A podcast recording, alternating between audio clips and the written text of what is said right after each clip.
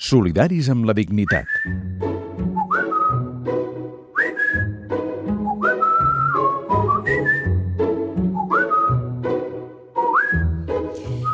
Begoña Roman, què tal? Bona tarda. Hola, bona tarda. Avui ja avisem als oients que posem damunt la taula un tema o uns temes en els quals el debat ètic serà molt interessant a plantejar, as usual, podríem dir, no? Però jo, avui ens pot remenar eh, alguns principis eh, que està bé que se'ns remenin.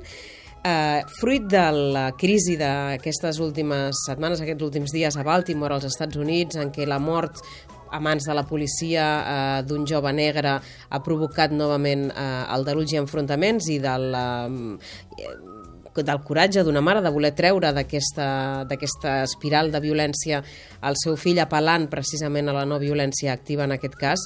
Volem parlar d'això, de què és la no violència, de si la no violència hauria de ser l'estadi al que hauríem d'aspirar a eh, tota la humanitat per intentar resoldre eh, els conflictes, de si la no violència és útil en tots els casos? Bé, jo crec que la no violència ja implica un nivell de desenvolupament de la consciència moral d'uns pobles, d'uns col·lectius, perquè eh, si demanes que ja siguin conscients de que la manera de resoldre els conflictes no és la correcta, la violència, però per altra banda, jo he de respondre d'una injustícia que, tic, que estic patint d'una altra manera que no sigui la violència. Llavors, què tinc? Doncs la contrària, la no violència.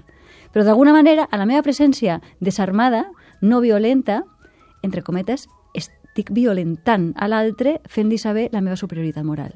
Això suposa uns supòsits bàsics, valgui la redundància. Suposa que tu i jo som conscients de que la violència et, et rebaixa moralment i dos, seràs incapaç de fer el pas de violentar a un desarmat. Jugo, jugo estratègicament i per tant estem amb un art de guerra. Uh -huh. la, la no violència és una estratègia també bastant interessant per sometre, eh, per, per, per discutir conflictes, però suposa un nivell de desenvolupament de consciència moral. A les escoles, els nens, els mestres els intenten ensenyar que quan tens un conflicte amb un company has d'intentar fer-li saber que allò que t'està passant no t'agrada i has d'intentar resoldre en paraules allò que és conflicte eh, en aquell moment. I aquesta és la manera segurament òptima d'educar els nostres infants. Gandhi, en un moment de la història de la Índia, va fer un gran acte de no violència i es va plantar davant d'un exèrcit britànic que finalment va decidir respondre eh, i, per tant, cedir a aquell, a aquell acte eh, de coratge eh, intel·ligent en aquell moment per part del líder indi. Tothom és Gandhi? Tothom no. són els mestres? Tothom és l'exèrcit britànic? No. És un gran episodi de com la violència pot ser estratègicament, eh, a part d'èticament, superior. Però tornem al, al tema que dèiem abans. Primera, Gandhi coneix l'exèrcit britànic, té una capacitat de lideratge en aquell moment que l'exèrcit britànic també coneix, i aquest mutu coneixement dels poders que cadascú amaguen eh, feia que la confrontació fos, eh, en aquest cas, estratègicament a favor de Gandhi. Gandhi s'ha format amb els britànics, Gandhi sap que els britànics no s'atreviran a atentar contra un poble desarmat que segueix a un líder que està desarmat. Per tant, tasques de lideratge del senyor Gandhi, tasques estratègiques de que el britànic, eh, eh, el Gandhi, coneix que l'exèrcit britànic té un nivell de consciència de codis d'honor, per dir-ho amb el seu vocabulari militar, sabia que podia fer això.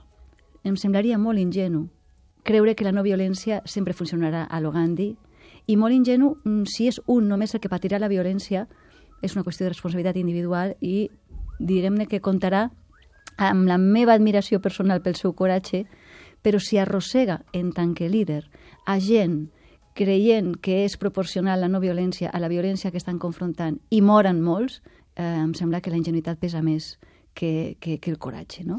Ho dic perquè precisament aquest debat eh, l'hem tingut amb companys, amb persones que precisament al nostre país s'hi dediquen eh, des de fa molts anys a treballar els conceptes de, de pau i no violència, posant precisament d'una banda l'exemple de Gandhi, però de l'altra també la de les guerrilleres kurdes a Kobani, a la ciutat de Kobani, a Síria, quan s'enfronten i vencen a l'exèrcit islàmic.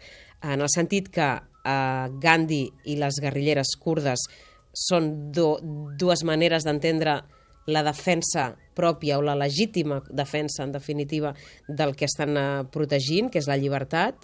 Davant Gandhi té un exèrcit i davant les guerrilleres kurdes tenen l'exèrcit islàmic i han d'agafar les armes perquè no n'hi ha prou amb una acció de no violència activa.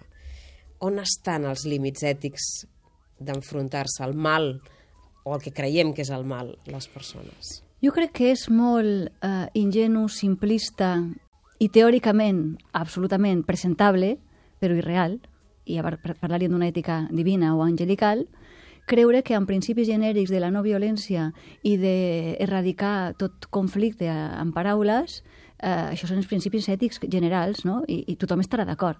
El problema és que la realitat va per una, altra, per, per, per una altra banda. El problema veritable de l'ètica humana, no la divina, és com mediar entre els principis generals de no violència i el cas particular. Llavors, en aquest gap d'aplicació no és qüestió de mera lògico-deductiva. Mai ningú en lloc ha de torturar. Evidentment que això és un imperatiu categòric, mai ningú en lloc ha de torturar.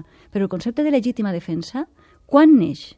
Quan algú ja s'ha saltat el que mai ningú, mai a ningú torturarà, tortura, llavors, què significa legítima defensa? Que hi ha violència.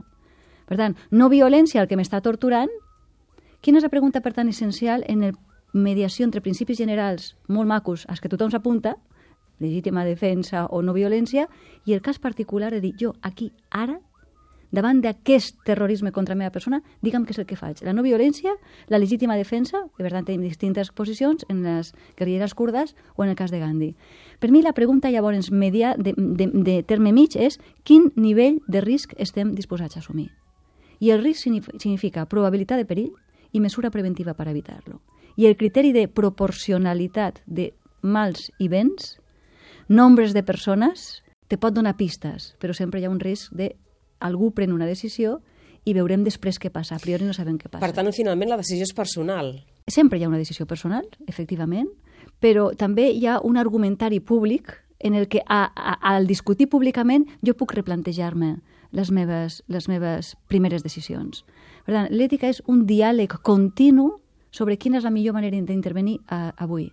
Per tant, dir la guerra és dolenta sempre en línies generals, ningú voldrà la guerra. I, per tant, allò que ningú vol per a ell és dolent. Guerra, ningú la vol. Però, al final, algú la vol. Ningú la vol, mm, també podríem qüestionar-ho. Sí, algú la vol, exacte, algú la vol. Per què? Perquè compensa, uh -huh. ja tenim el tema de la ponderació, compensa per guerres que generen rics i per eh, bueno, eh, rencors que creuen que se ressarciran si se, se manifesten, però al final la guerra sempre, sempre, sempre porta més gent dolenta de la que, de la que s'emporta. Com tendim al bé?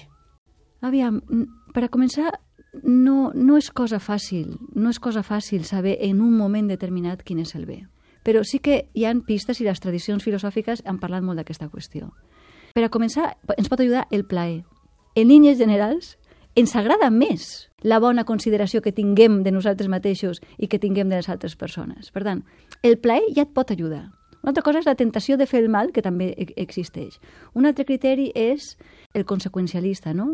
Això que ara m'atreu molt i està mal, però m'atreu molt i me dona plaer, nega el primer del plaer, em portarà unes conseqüències molt, molt bones a mig i llarg termini.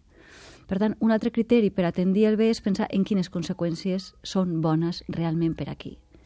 Tot això és un procés reflexiu. Quin plaer? Per a quantes persones? El tipus de persona que jo m'estic definint amb les meves accions? Tot això són reflexions que et poden ajudar en la orientació esta, aquesta de, de tendir cap al bé. A mi m'agrada sempre resumir-ho amb tres preguntes. No? De, cada vegada que has de prendre una decisió, la pregunta de quin nivell de risc estem disposats a assumir, perquè sempre hi ha risc, no hi ha seguretat zero, i això és el que no li agrada a l'ètica humana, eh, la, la incertesa, l'angoixa, però és que és això la condició humana. Les tres preguntes són, i si tothom fes el mateix? I si m'ho fessin a mi? I, I si tothom ho sàpigués? I amb aquestes preguntes trobes orientacions sobre per a on va allò tan complicat que és el bé i que és el mal. La nostra societat tendeix a això o tendeix a tot el contrari? Perquè has dit reflexió i se m'han posat els pèls de punta. Hmm.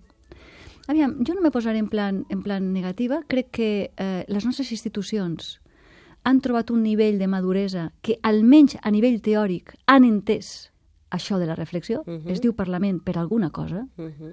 perquè s'hauria de parlar i se diu sempre que no parli sense pensar. Per tant, un cert aire de reflexió i d'adonar-se'n de que ha d'anar per aquí sí que tenim. Un altre, efectivament, és el tema de l'acceleració. Eh, fins quin punt la reflexió requereix públic per deliberar no una reflexió només monològica, sinó dialògica, eh, està disposat a dedicar-hi temps i la nostra societat accelerada vol eficientitis, ja, i eh, que ens diguin els experts el que hem de fer. Per tant, no està molt disposada a, al, al ritme més pausat de la reflexió i a l'angoixa incondicionada de la decisió humana. Vol, volem que els altres es garanteixin la seguretat 100% i convertim, per tant, en reglament jurídic, en protocols per evitar-nos l'haver de pensar. No? Kant deia en el segle XVIII, en un magnífic article que es diu Què és il·lustració? Diu, per a què pensar si puc pagar? Nosaltres paguem la reflexió ja feta. És, és, és, en comptes de fer-la a casa, és pret a porter. Doncs intentem, com que ara no tenim tants diners, eh, fer-la una miqueta nosaltres. Begoña, moltíssimes gràcies una vegada més A per vosaltres. les teves reflexions. Molt bé, a vosaltres. Solidaris a Catalunya Ràdio. Els solidaris a la xarxa. Seguiu-nos a facebook.com barra solidaris, al twitter arroba solidaris guió baix CR i al web catradio.cat barra solidaris.